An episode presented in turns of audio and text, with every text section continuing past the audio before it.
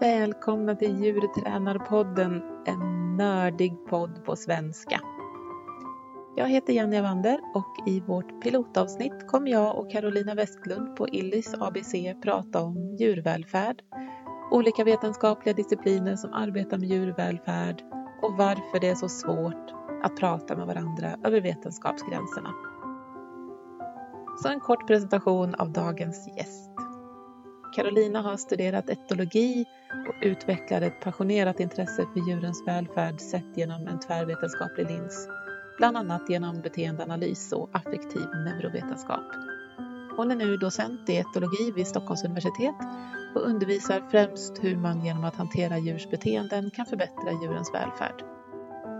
Hon erbjuder via sitt företag Illis ABC liveseminarier, gratis online webbseminarier och mastersutbildningar förutom mer omfattande onlinekurser samt enstaka blogginlägg eller vetenskapliga publikationer om ämnet berikning, djurutbildning och djurvälfärd. Ett av hennes blogginlägg handlar om fyra perspektiv på djurvälfärd och det blev inspirationen till dagens avsnitt. En länk till blogginlägget kommer att finnas på poddens hemsida. Då hälsar jag dig välkommen till det första avsnittet av Djurtränarpodden på svenska. Välkommen Carolina! Så roligt! Tack Jenny! Ingen annan som gör något sånt här. Alltså det finns poddar på svenska. Du har precis gjort någon sån här eh, undersökning där du slängde ut en lista utav svenska poddar varav jag har sett de flesta. Uh Jag ska inte vara kaxig och säga att jag har tvärkoll på allihopa. Men det jag har hört utav de poddar som är på svenska är att de ofta är ganska praktiskt inriktade. Mm. Eh, och att man försöker um, förenkla um, typiskt uh, nördiga saker mm. och göra dem väldigt så uh, begripliga för den mm. vanliga mm. djurägaren och sådär. Ja, så, toppen. Många behöver ju det, precis det. Oh ja! ja. Och, och, det jag tänker är att den här podden ska vara en förlängning utav de andra svenska poddarna. Så om man på någon podd pratar om ja, men, hundmötesträning till exempel. Mm. Och så pratar man liksom om hur den träningen går till. Mm. Så kan vi plocka upp den tråden i den här podden och prata om vetenskapen bakom och hur det ah. faktiskt funkar och använda sig mm. av begreppen. Så, så vi kan korsreferera till varandra. Så jag ser det här som en, en förnördning, finns det ordet ens? av, eh, av de poddar som, som finns eh, på svenska idag. Du kommer, hålla, du kommer hålla lite ett öga på de andra poddarna och plocka upp ja. de trådar du ser där och ja. diskutera dem. Ja, roligt! Och det, jag har redan kontakt med, med bland annat Kikki Fistenius om att, aha, mm. exakt precis just det. Um, där vi känner liksom att man skulle vilja säga mer. Och så i, i Kikkis podd, men det finns liksom inte riktigt utrymme för det antingen tidsmässigt eller, eller vem man riktar sig till och sådär. Och då kan man vända sig till Djurtränarpodden och på samma sätt så kan Djurtränarpodden börja på en viss nivå för att om man vill veta mera hands-on hur saker och ting går till så kan vi hänvisa till en podd på svenska där man pratar om ja, de praktiska sakerna. Jo, det som jag tänkte Carolina med att bjuda in dig som poddens första gäst var att jag vill ha ett startskott för den här djurtränarpodden som, som är tvärvetenskapligt och har fokus på djur, välfärd. Och där passade du så himla bra in. Ja, vad roligt att du säger det. Det, det var kul, tack! Det känns ja. jätteroligt att få vara här och, och ta det här första självande avsnittet och försöka ha ett bra samtal kring, kring ja. just det. Viktigt, jätteviktigt. Så om vi tittar på det här, jag, jag har bara skrivit en rubrik som heter Fyra perspektiv på djurvälfärd. Nej, men det, jag, jag tror att med, mitt, med min bakgrund, jag, jag är ju etolog eh, ursprungligen och har liksom jobbat mycket med djurvälfärd från det perspektivet. Just hur kan vi tillhandahålla en bra miljö som liksom lockar fram eh, de, de ursprungliga beteendena hos det djurslaget som det nu handlar om. så det är min bakgrund och jag minns första gången jag träffade en riktigt bra tränare. Jag var på en konferens i Australien.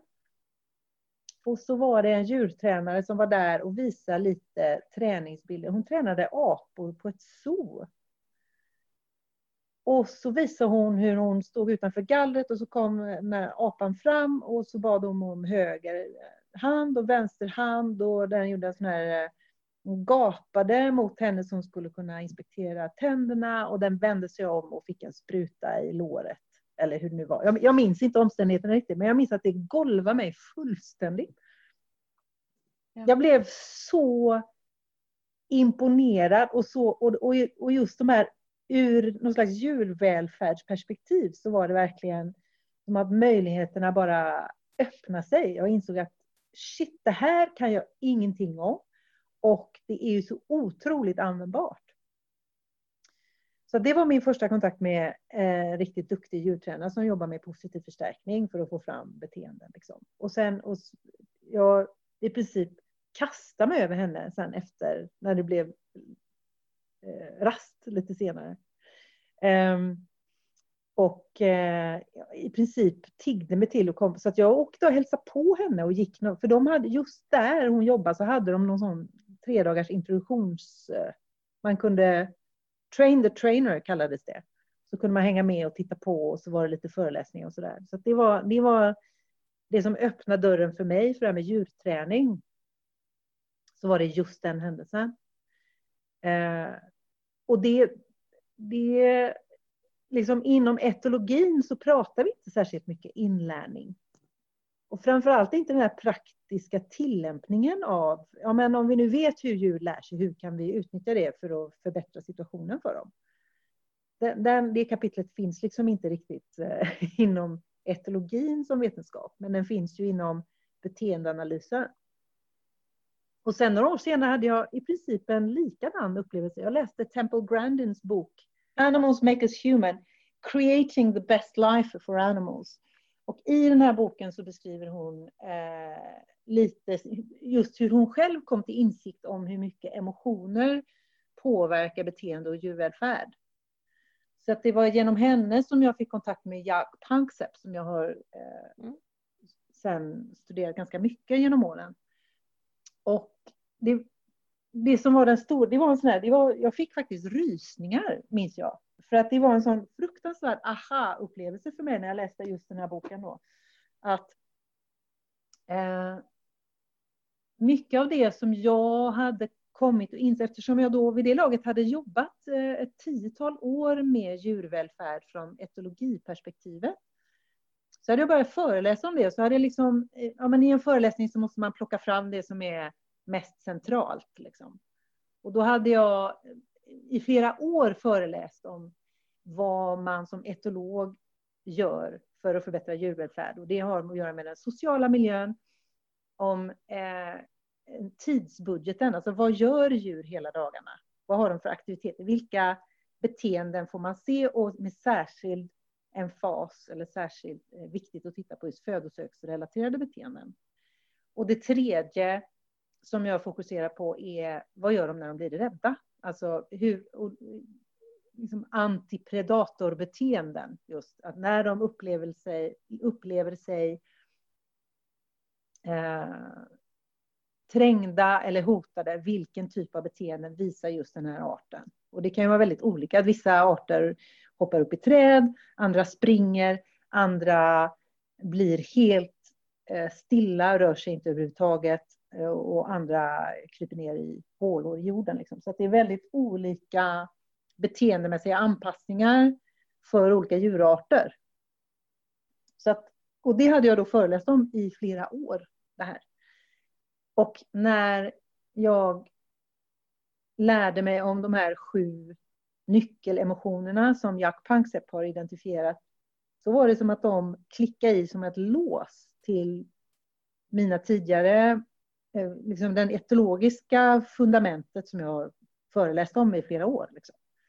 Så att det var, det var för mig var det någon slags liksom, eh, ja men det var, det var en insikt om att, att precis de saker som jag hade som etolog identifierat som viktiga för djurvälfärd.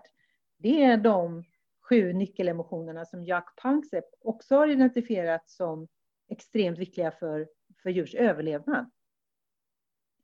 Så det, var, det var verkligen en sån aha-upplevelse som fick mig att börja läsa på en hel massa om, om det här forskningsområdet som då heter affektiv neurovetenskap. Affektiv neurovetenskap? Affektiv neurovetenskap. Ja, just det. Jag har haft en, en snarlik upplevelse som du berättade om i början eh, med det här när man när man sitter på en föreläsning och bara så här äh, Wow, kan man göra det här? Finns det folk som faktiskt gör sånt här? Är det, finns den här kunskapen? Um, och uh, den, den som, som jag fick den upplevelsen utav uh, var en oerhört gravid Carolina i Linköping. Va, jag? Japp!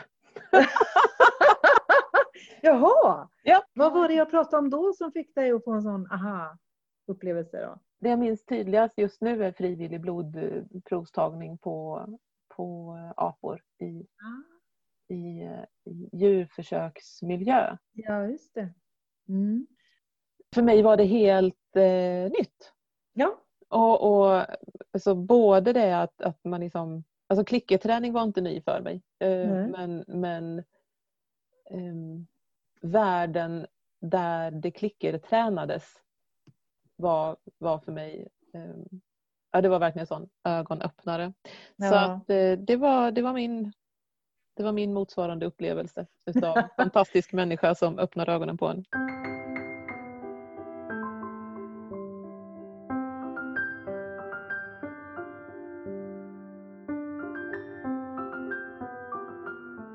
Jag tänker ta oss tillbaka till fyra perspektiv på djurvälfärd. Ja, ja men så här, det är, ett som vi inte har pratat om än är ju det veterinärmedicinska. Ja.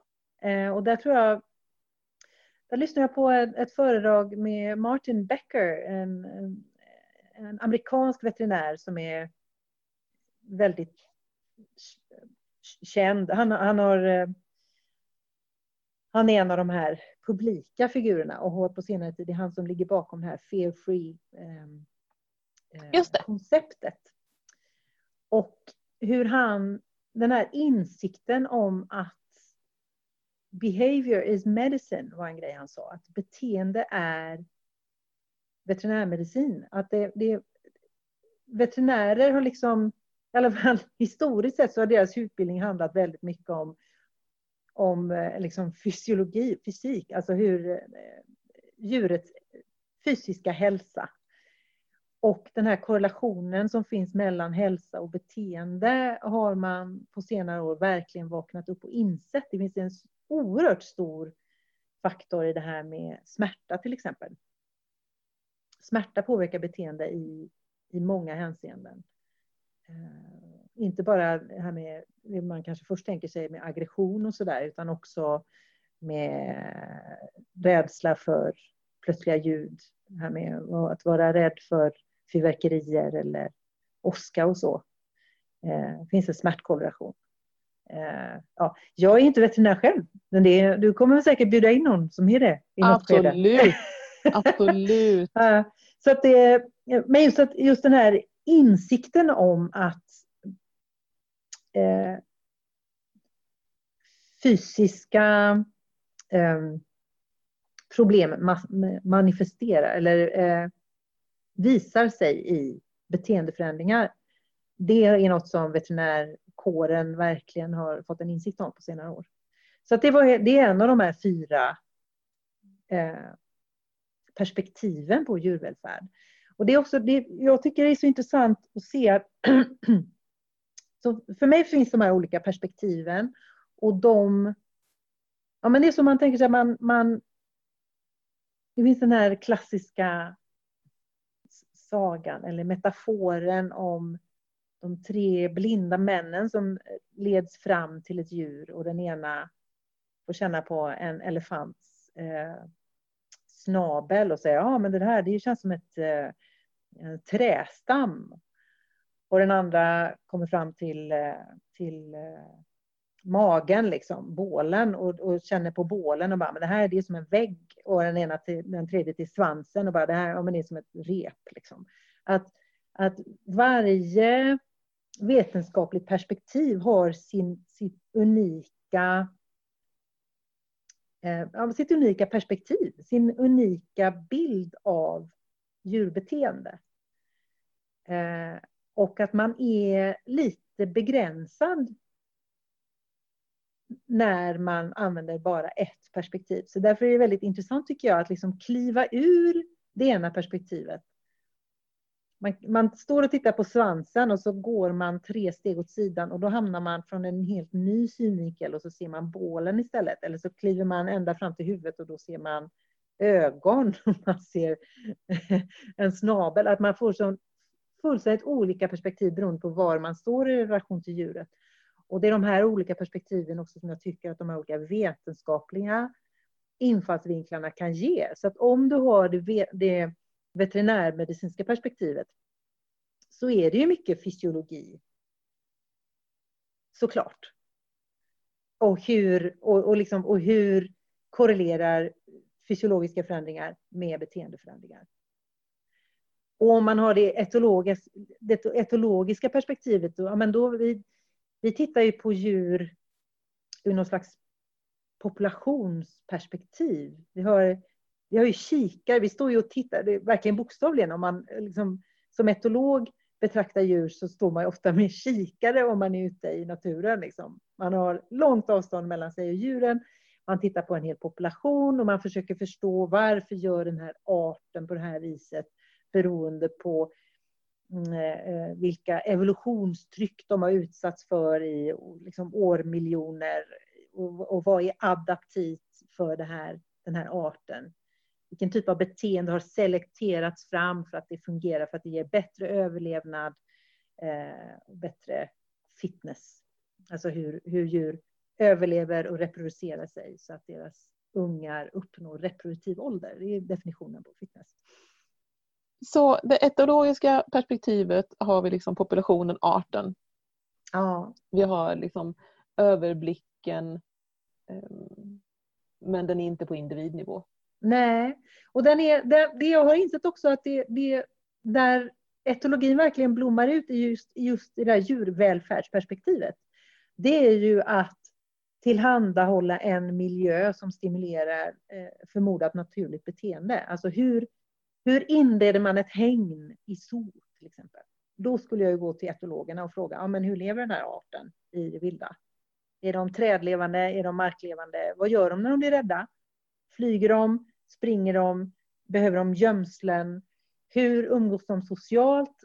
Behöver de eh, ha mycket distans mellan varandra? Eller tvärtom, är det så att de eh, eh, samlas i stora grupper och ligger och gosar på nätterna i en enda stor eh, härlig, eh, vad säger man, sån kramgrupp som en del apor gör, att de verkligen sätter sig, de limmar sig in till varandra och sitter i en enda stor grupp på nätterna. Den typen av information är väldigt bra att ha för att kunna tillhandahålla en bra miljö. Eh, liksom.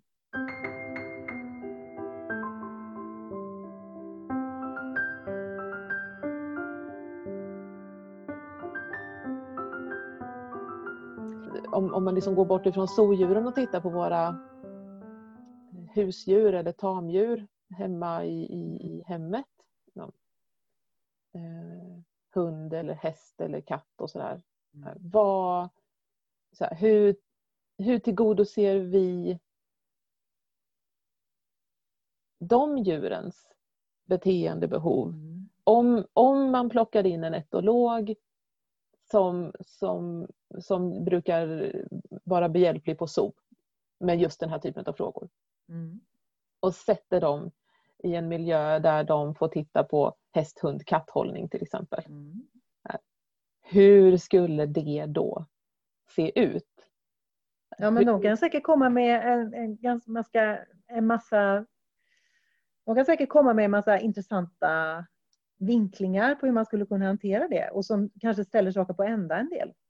Eh, det, så man tillämpar de här principerna lite så är det så att det spelar inte så stor roll vilket djurslag det är. Utan man ser över aktivitetsprofilen under dygnet. Man tittar. Ofta gör man ju så att man försöker förstå hur ser beteendeprofilen ut eller tidsbudgeten ut hos det vilda djuret i vilt tillstånd och så ser man hur kan vi, kan vi tillgodose, kan vi på något vis återskapa det här i, i fångenskapen. Mm. Eh, och genom att då liksom fokusera på lite olika miljöberikning är ett ganska komplext område som ofta handlar om både den fysiska miljön, alltså hur, hur ser det ut fysiskt? Den sociala miljön, vilken typ av relationer har djuret med andra individer av samma art och med människor? Och, och liksom vilken typ av objekt har djuret att interagera med? Hur skaffar den mat och hur liksom, finns det möjlighet att leka eller undersöka miljön på olika sätt?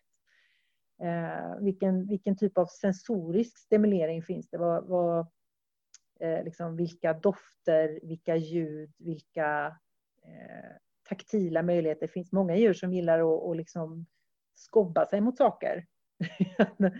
att liksom klia sig på ryggen och sånt. Eh, Sådana möjligheter. Så man, man, eh, man försöker se över hela beteendeprofilen och tillhandahålla föremål eller stimuli som på något vis pinpointar just de aspekterna som man är ute efter. Det skulle vara oerhört spännande. Jag bara tänker, någon borde ha gjort någon slags forskning om det här. Jag skulle ja. vilja. ja, ja, ja, det har de Jenny. ja. ja. Så varför händer ingenting? Varför står hästar i en hage? Ja. Helt utan har man lite tur så hänger en plastboll med hö i ena änden.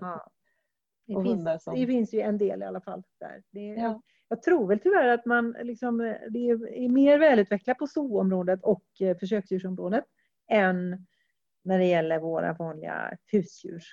Så. Och då är det lite det... intressant att vi går omkring och tycker så hemskt synd om, om två av de här tre kategorierna ja. djur. Ja, ja, verkligen. Men det är också det är ju någon typ av um, det är på något vis oerhört smärtsamt att tänka sig att vi inte tillhandahåller en optimal miljö för våra hundar, och katter och hästar. Man vill inte veta. Det är lättare att beklaga sig över hur illa det är för de stackars försöksdjuren. Ja. Jag vet ju att min mamma sa, när jag, jag har ju då under en period jobbat med just välfärden hos försöksapor. Jag vet att min mamma sa att fasen de aporna har det ju bättre än gamlingar på långvården. Absolut. De, får, de, de får badvatten ett par, eh, tre dagar i veckan. De får eh, eh, mellan fem och sju sysselsättningsaktiviteter per dag som är liksom, eh, planerade i ett schema. Att det ska vara det saker som ska in i miljön, i, i voljären, saker som ska tas bort. Det ska finnas variabilitet och överraskning och eh, möjlighet att interagera med olika saker. Och med hänsyn tagen till de dominansinteraktioner som är mellan djuren så att även de lågrankade individerna får möjlighet att, att aktiveras.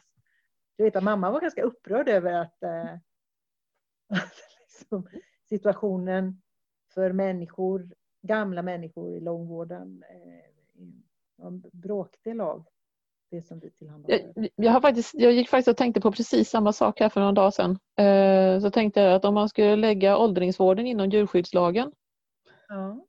Så om man bortser från risken att bli avlivad, vilket är...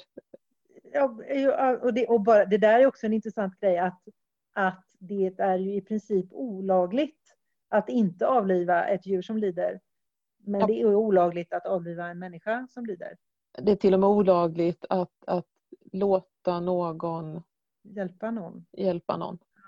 Ja. Det, det, är bara så otroligt intressant att samma beteende kan, att det är en sån fullständig svartvit bild av det. Att det ja. Och att det är en sån omkastning. Ja. Samma beteende är, är önskvärt respektive olagligt ja. i respektive fall. Otroligt intressant. Och, och också liksom hur, hur, hur, jag ska inte säga lätt, men hur hur begripligt det blir när det är en bit bort. Alltså vi tittar på zoodjuren och djurförsöksdjuren. Att, att man där, det är lättare att vara objektiv och ha ett förhållande till djurvälfärd och, och titta på djuren och faktiskt bedöma djuren ur sin egen djur, djurvälfärd. Till skillnad från djuren hemma. Ja. För det är som sagt då, ganska plågsamt att behöva ta till sig att det man gör, gör man utav gammal vana och för att folk har sagt att det här är bra. Mm. Men om man skulle faktiskt titta på mm. Vad våra djur faktiskt, faktiskt skulle vilja göra och hur ja. och med vem och när. Ja. Så kanske det inte alls passar Nej. in med... Nej, och det är opraktiskt och obekvämt och dyrt och, och allting. Ja, och det liksom bara, bara gör ont i mattehjärtat också att bara tänka sig att man, att man gör dåliga saker. Ja men absolut. Eller inte optimala absolut. saker ska jag säga, ja. det är ju inte så. Men, eh, men eh, så då har, vi, då har vi det etologiska perspektivet och, och, eh, och det veterinärmedicinska perspektivet. Mm. Då har vi två kvar.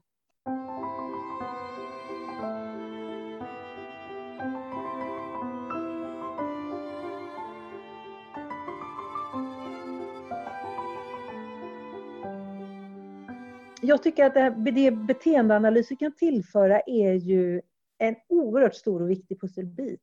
Och det är framförallt, tycker jag, den eh, eh, vad fasen heter det nu? Applied behavior analysis, vad heter det på svenska? Tillämpad Tillämp, Tillämpad, tack.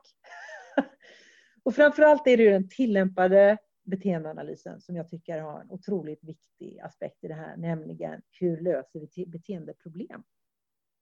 när vi väl har det, djuret gör något som vi inte vill. Hur kan vi förstå det här beteendet och hur kan vi ändra det? Då tycker jag beteendeanalysen är ju överlägsen. Ehm, eller åtminstone ger en, en oerhört viktig pusselbit i hur vi kan komma vidare och förstå det.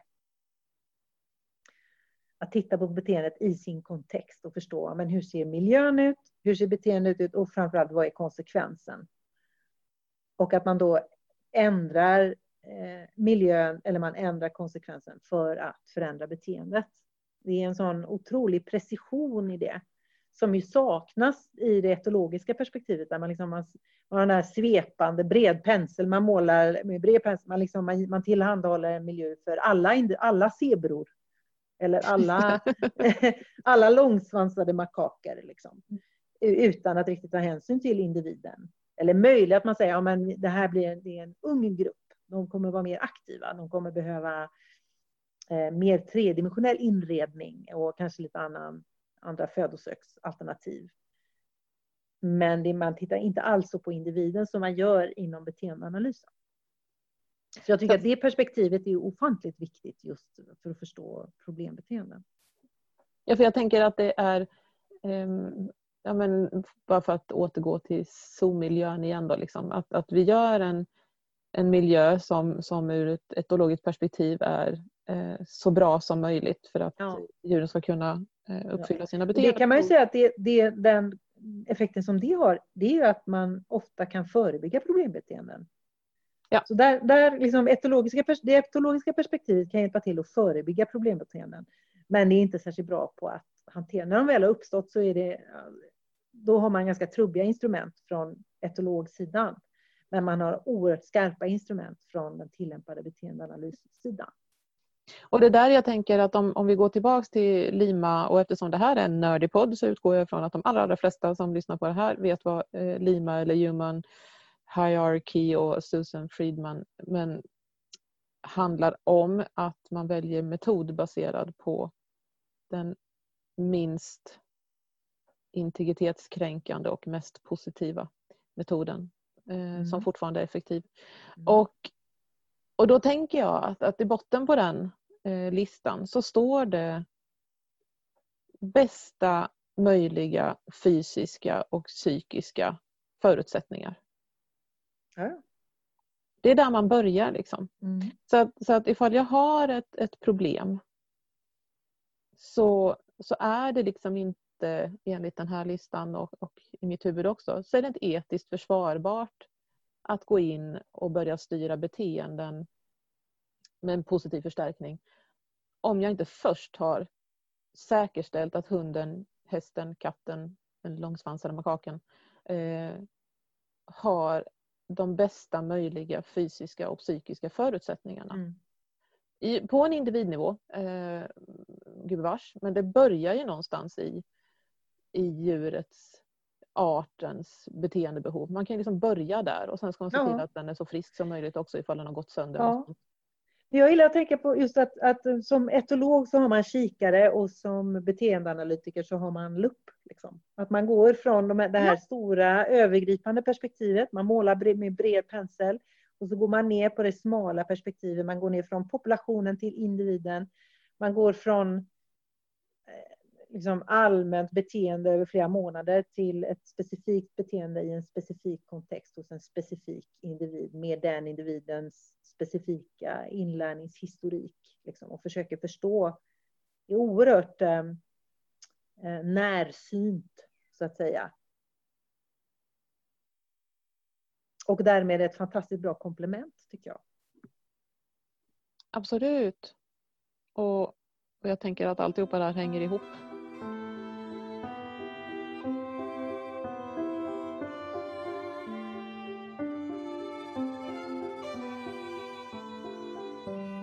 Det fjärde då? Ja, men det fjärde perspektivet är ju någon slags... Det är väldigt övergripande för det, det griper ju in i allt kan man säga. Eh, och det, det, vi vet om emotioner idag är att de är oerhört involverade i all typ av inlärning, i beslutsfattande, eh, i eh, liksom, sociala relationer, i stress påslag, i personlighetsutveckling, i hjärnans utveckling, alla de här epigenetiska effekterna av hur hjärnans, eh, eh, hjärnans funktion utvecklas är otroligt sammanknutet med emotionella reaktioner. Eh, och, det, och det, det, det, faktum att nu, det finns ett forskningsområde som heter affektiv neurovetenskap som verkligen är det här forskningsområdet som tittar på hur eh, hjärnan, eh, neurofysiologin i hjärnan med de neurotransmittorer och de, de eh, kemiska processer som sker i hjärnan, hur det interagerar med beslutsfattande och beteende. Det tycker jag är en oerhört intressant eh, fjärde perspektiv på det här. Eh, och som ju förstås är ett otroligt stort överlapp, för det jag tror att de flesta beteendeanalytiker eh, kanske inte använder begreppen Eh, Eh, om emotioner så mycket, men det är ändå så att i, i det här antecedent um, delen i ABC så ingår ju mycket motivationsrelaterade faktorer som ju både direkt och indirekt påverkas av emotioner och detsamma i konsekvensdelen. Anledningen till att någonting är positivt förstärkande är ju att man får en emotionell reaktion på eh, förstärkningen eller att någonting är bestraffande är att man får en emotionell reaktion på det. Så att det, det jag vill inte liksom frånta beteendeanalysen eller det etologiska perspektivet eller för den delen veterinärperspektivet, de här att emotioner är med där och påverkar de utfallen där också. Men det, jag tycker ändå att det är väldigt intressant att ha det som en fjärde pusselbit. Därför att Eh, under de år när jag försökte att förstå mig på en del av den här forskningen som Jack Panksepp har gjort så insåg jag just den stora vikten i personlighetsutveckling beroende på emotionella erfarenheter, särskilt när man redan i fosterlivet faktiskt, men också under den tidiga eh, juvenila perioden. Att eh, erfarenheter både av hur, hur samvaron med den, den vårdande föräldern, om det nu är oftast en hona, Ibland kan det finnas hannar involverade, ibland kan det finnas syskon involverade också. Den sociala biten, just hur ser det här ut? Eh, den, den tidiga sociala miljön hjälper till att form, ger emotionella reaktioner som i sin tur formar hjärnan. Alltså stru hjärnans struktur formas av de här emotionella reaktionerna.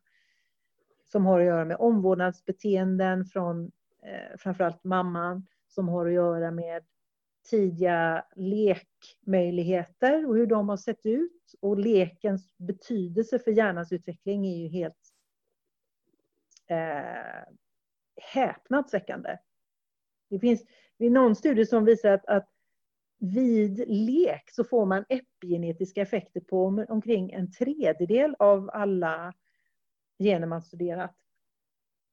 Så att det, det, är som att det är, ja, men det är som en julgransbelysning som går på i hjärnan vid lek.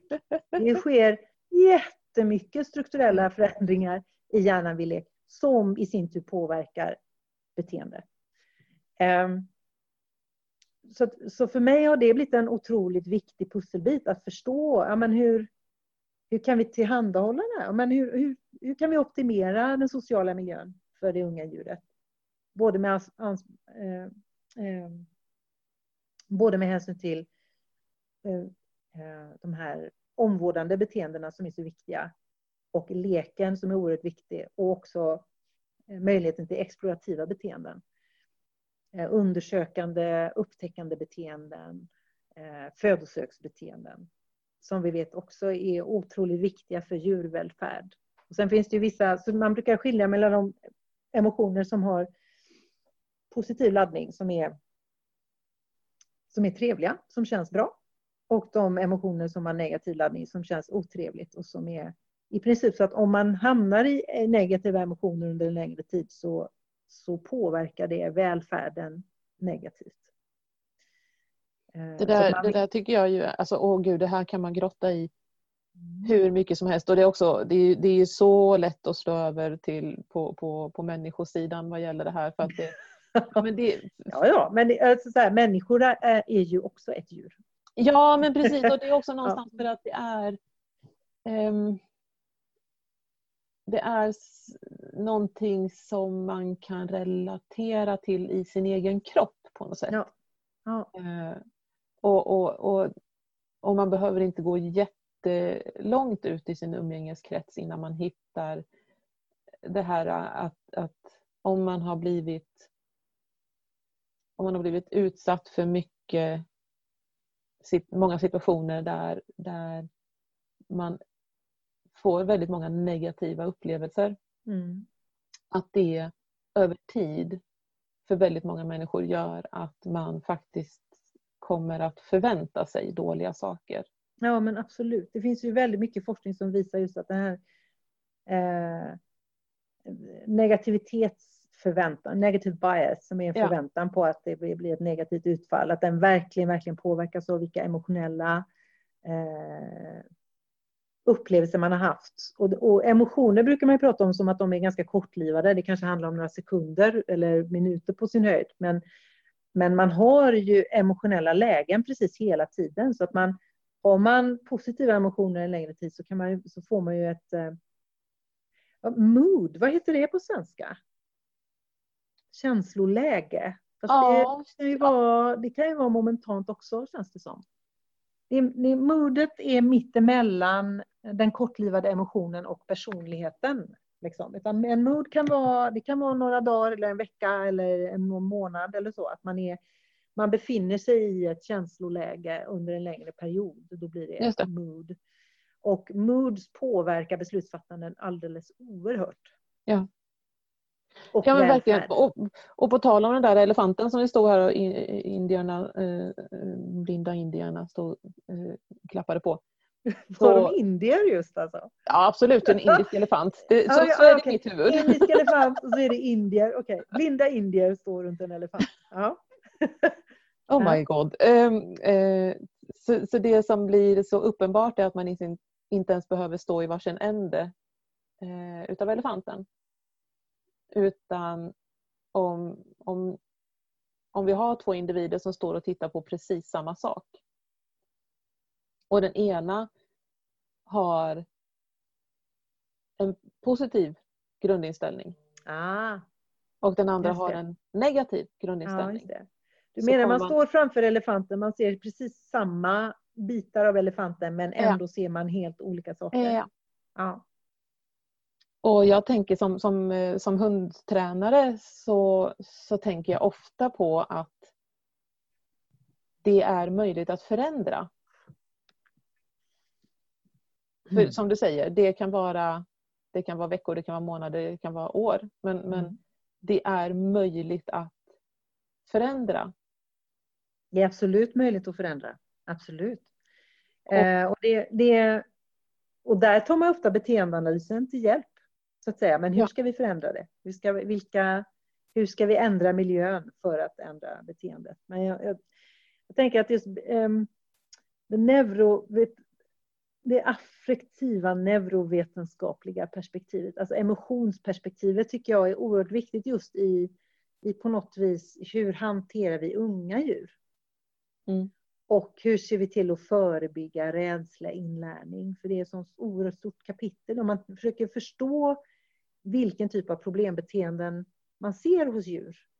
Och våra, liksom, oavsett om det är våra husdjur eller inte, så är det väldigt, väldigt många av dem är rädslerelaterade. Och det går ju att förebygga. Ja. Genom att man funderar kring det här med klassisk betingning, vilken typ av inlärning som sker, vilka typer av associationer djuret lär sig. Eh, Och det blir väl något annat avsnitt i den här podden, tänker jag.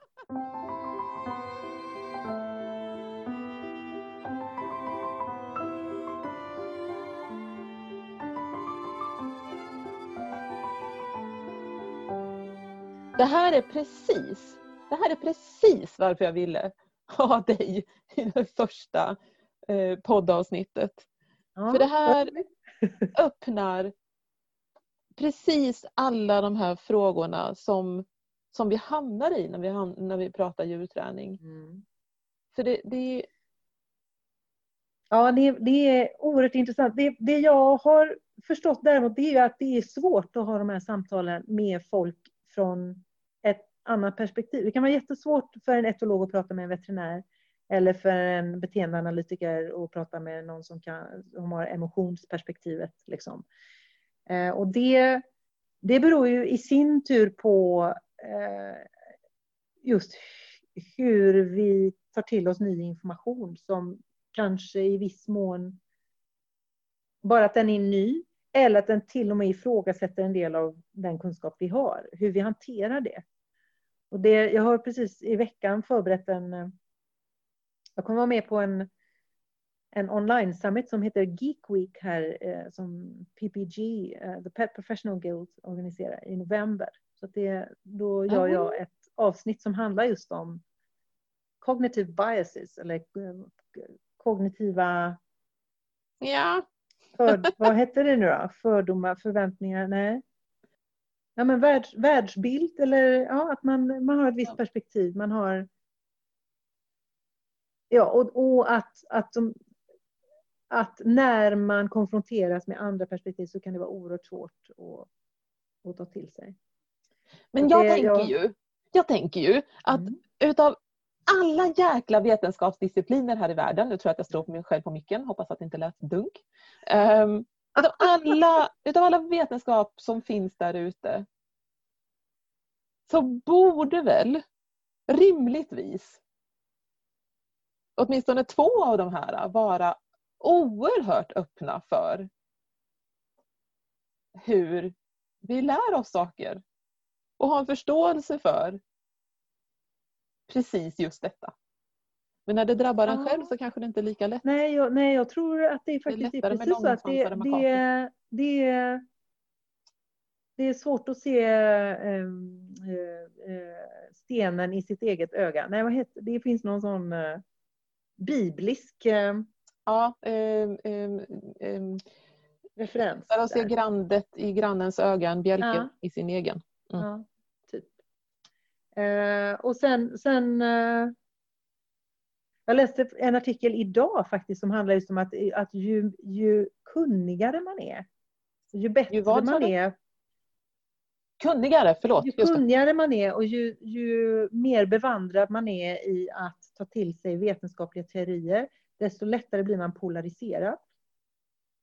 Därför att då lär man sig också att, att när man läser en vetenskaplig eh, artikel att eh, de argument som stöder ens egen tes, de tar man till sig. De argument som inte stöder ens egen tes, de kan man plocka isär på någon vänster. Att, nej, men det var inte tillräckligt bra statistiskt underlag. Eller eh, nej, det är fel typ av experimentell teknik.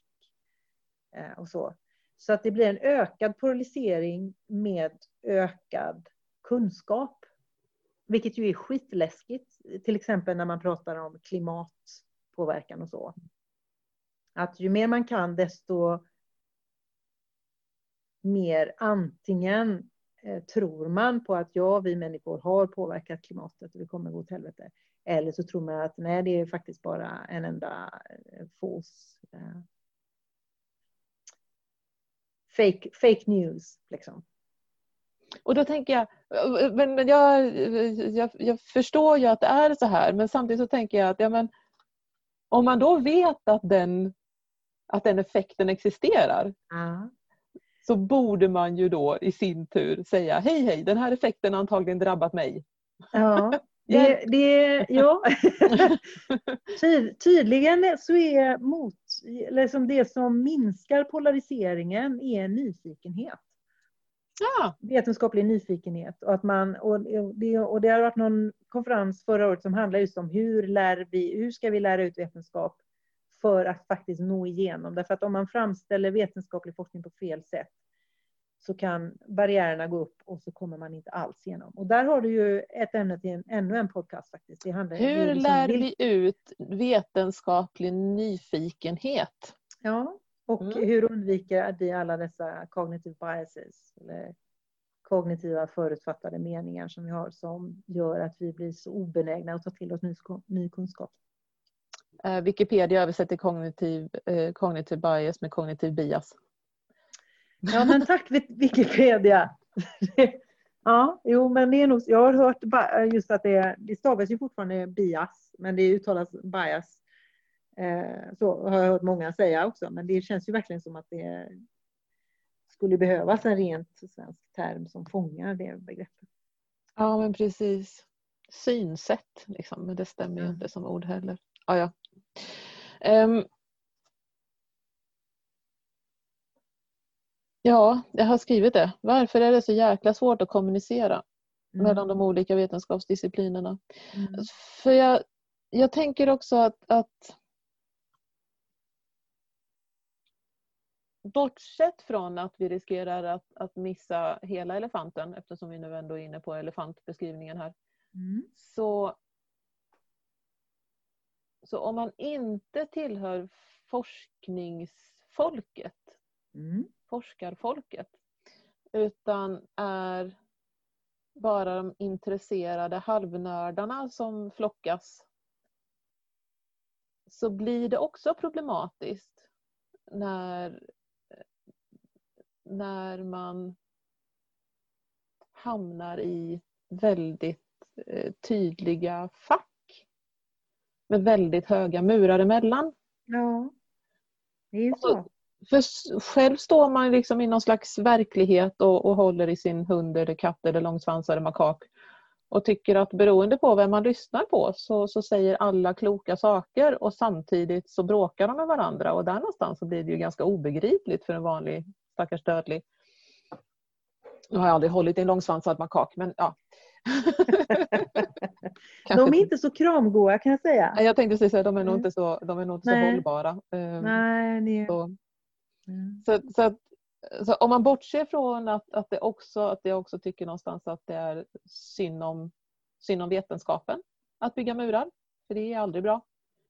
Så tror jag att det stökar lite när vi ska hitta de, de bästa procedurerna för att hjälpa våra, våra djur, men de djur som vi har i vår vård. Mm. Jag, min, min min lösning på det där är att lära mig från så många olika personer och discipliner som möjligt. Att inte grotta in mig och lyssna på bara ett visst antal gurusar. Utan att faktiskt, och att faktiskt rent av söka upp folk som har en annan åsikt också. Eh, och, och det, ja, visst, då blir det ofta så att man förkastar väldigt mycket av, av det de säger för det är så mycket man inte håller med om. Men rätt som det är så dyker det upp en liten guldklimp eller något som gör att ens perspektiv ruckas lite grann så att man får en annan... Alltså, vi bygger ju alla vårt kunskapspussel. Mm. Vårt kunskapspussel beror ju, liksom, består ju av det vi har lärt oss och liksom hela vår kulturella indoktrinering. Och liksom, så här ska man... Det är så här man är med hund. Hundfolket har ju ofta bär med sig en ryggsäck av liksom, hur man som barn eh, gjorde eller man såg sin morbror eller sina föräldrar bete sig mot hundar. och då har man den, liksom, det kunskapspusslet som man har byggt som man sedan fyller på med nya bitar. Man plockar bort bitar som man känner att nej, men det här var ju faktiskt inte rätt. Eller man fyller på och så kan man liksom bygga vidare på sin pussel med de här olika perspektiven. Och så kan man se att ja, men vissa av de här pusselbitarna passar inte särskilt bra ihop. Då lägger vi dem lite längre ifrån varandra bara. och hoppas på att man hittar en bit däremellan. Ja, eh. och att det kanske, eller man bygger sin alldeles egna lilla bit som passar jättebra ja. där. Man får vara lite kreativ, lite som att lägga ett sånt där, eh, man krossar mosaik och pusslar ihop. Att man liksom, man får eh, gjuta en alldeles egen form som passar i mitten. Eh, men jag tror att det är väldigt viktigt att man inte bara lyssnar på en eller ett fåtal läromästare Eh, därför att dels så får man inte med sig riktigt allt det de kan, därför att de lär inte ut allt. De vet ju inte vad du vet och inte vet. Där har vi hela det här med curse of knowledge, alltså just att man inte, när man ska lära ut någonting, att man har svårt att sätta in sig in i vad den som inte vet någonting, vad den personen vet och hur man ska förmedla det man vet på ett sätt som gör att den som inte vet något faktiskt lär sig och förändrar sitt beteende.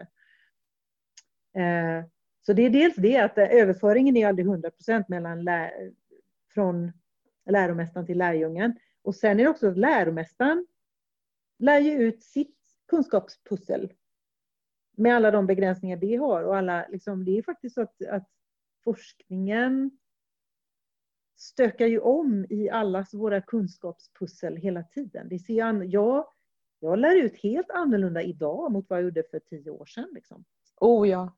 Oh ja, oh ja, oh ja. Fem år, två år sedan. Ja. Så att, eh, det, vi måste alla vara redo att kill your darlings, att liksom byta ut bitar i vårt kunskapspussel i takt med att vi, lär, att vi, liksom, vi ser elefantens snabel och sen ojsan, här var bålen och här var ju svansen och kolla där, fötterna ser ju så ut under till och nu ska vi öppna örat och titta inuti örat. Liksom. Det finns ju så många perspektiv att upptäcka och det tycker jag jag tror att om man har det lite öppna förhållningssättet och villigheten att, att det blir lite obekvämt också. Att läsa saker som faktiskt utmanar ens perspektiv. Det kan vara oerhört smärtsamt. Eh, det vet jag av erfarenhet. det, det, kan, det kan verkligen vara så. Men vissa böcker som jag har läst så har det verkligen så att jag var tvungen att lägga undan dem i flera år. För att jag har fått sånt jädra adrenalinpåslag. Eh, jag läser första kapitlen och så känner jag bara att jag, jag sitter och hoppar av frustration. Liksom, ja. fan, det, här, det här utmanar kärnan i hela min eh, vetenskapliga identitet. Liksom. Det är fruktansvärt obehagligt. Eh, och den första impulsen är ju bara att slå ifrån sig. Ja. Och om man då liksom låter det ta lite tid så att den här första irritationen lägger sig och sen går tillbaka och försöker förstå, ja men vad har de vad är det för data som backar upp det här påståendet och vad, liksom, varifrån kommer de och har de rätt? Är det, är det rent av så att jag har fel? det är väldigt, väldigt, väldigt obagligt. Och det kan vara så att nej, man har inte fel, men man behöver införliva en ny, man behöver skifta sitt pussel lite för att kunna få plats med de nya bitarna. Ja, men, och det är det jag tänker också just att, att Ibland så handlar det om Ibland så handlar det om formuleringar som, som gör att man stegrar sig. Oh ja. Och så och, och, och, första reaktionen är liksom så här, du är dum i huvudet på riktigt. Ja. Ja. och, och, om man då kan sansa sig länge nog till att fundera över använder den här personen ord på exakt samma sätt som jag använder ord? Hur stor är den sannolikheten? Vad är definitionen av ord? Ja. Ta, ta emotioner till exempel. I litteraturen finns det ju inte mindre än 92 definitioner av ordet emotion. Ja. Så innan man pratar emotioner så måste måste man ju veta vad är det vi pratar om då. Ja. Och, och jag tänker att en av de sakerna då som är svåra är ju när olika vetenskapsområden använder samma ord för att förklara lite olika fenomen. Ja. Absolut, det där, det, det jag tror i den bloggposten som du hänvisar till där, där jag diskuterar de här fyra perspektiven så tog jag upp några sådana Mm. Mm. som, är, som, och som jag hade jättesvårt för i början just när jag började lära mig mer om beteendeanalys. Eh, att man pratar om funktion till exempel.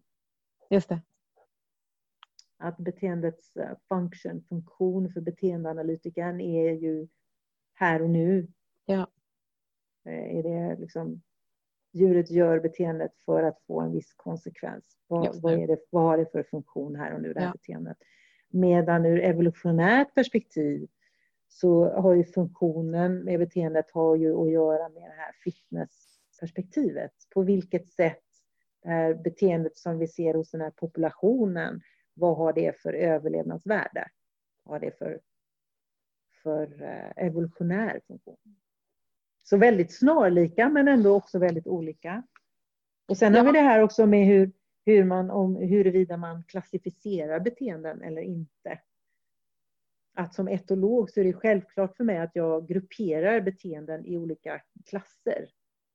Att jag kallar eh, jaga, slå och bita kallar jag för aggressiva beteenden. Och kanske dominansbeteenden till och med om det, har, om det liksom är, är någon sån, handlar i någon väldigt eh, tydlig sån struktur. Medan man som beteendeanalytiker undviker den typen av klassificering och istället tittar på men vad är det för faktiska beteendet djuret gör. Ja, den biter eller den ställer alla håren på ända till exempel. Så att man undviker den typen av klassificering eller labeling som man brukar prata om på engelska. Mm. Och det där hade jag oerhört också svårt att förlika i början. Att jag, liksom med min etologbakgrund så är det helt naturligt att jag använder labeling eller klassificeringar hela tiden. Ja. Medan det anses vara i princip eh, förbjudet inom beteendeanalysen. Så återigen, det handlar väldigt mycket om vilket perspektiv vi har, hur vi, både hur vi tolkar det vi ser men också hur vi beter oss. Och, Och, och, och, där- och därför så... Och det här ska vi prata jättemycket om i, i kommande poddavsnitt för att vi behöver tala om vilken stol vi står på när vi använder våra ord. För Mm. annars så kommer det att bli missförstånd. Ja. Och, och att förstå att, att det ord jag använder inte är mitt ord. Utan det finns andra som också äger de här orden. ja, just det. Och som äger dem i ett helt annat perspektiv eller en helt annan funktion. Och en helt annan kontext. Precis. Ja, Så att, så att, och då måste jag liksom... Jag, man får liksom ha en sån ständig disclaimer, som jag inte heller vet vad det heter på svenska, i, i bakhuvudet. Där det liksom så här, som hundinstruktör, som beteendevetare, som etolog, Mm, det. så, så säger jag de här sakerna nu. Och, och det säger jag med vetskapen om att hade jag stått och varit en annan person och använt de här orden så hade det varit en annan ingång. Mm. Och, och det kanske vi behöver vara tydligare med när vi för diskussioner så att vi inte omedelbart hamnar i de här eh, blandningarna av missförstånd och, och bias. Ja, det, jag liksom tror Jag var väldigt förvirrad i början just med det här eh, begrepps, den begreppsförvirring som uppstår när folk från olika discipliner börjar prata med varandra. Mm. Den är bra att ta tjuren vid hornen och om så bara medvetandegöra. För jag var Mm. inte medveten om det då. Nej. Det var, inget, det var inte något man pratade om mycket då. Jag det, det känns som att vi alla har blivit mer uppmärksamma på det på senare år än vad vi var då för 10-15 år sedan. Och jag, och jag tror att vi behöver fortsätta medvetandegöra det för, för fler. Ehm, så att, ehm, och vi börjar väl den resan nu, tänker jag, på svenska. Gör vi! ja, Vad roligt! att, en eh, ny podd alltså. Det ska bli oerhört spännande att följa och se vad, vad du kommer att eh, prata om med dina andra gäster längre fram. så för att runda av så bara måste jag tacka hemskt mycket för att du tog dig tid. Det har varit ett vansinnigt intressant och kul prat.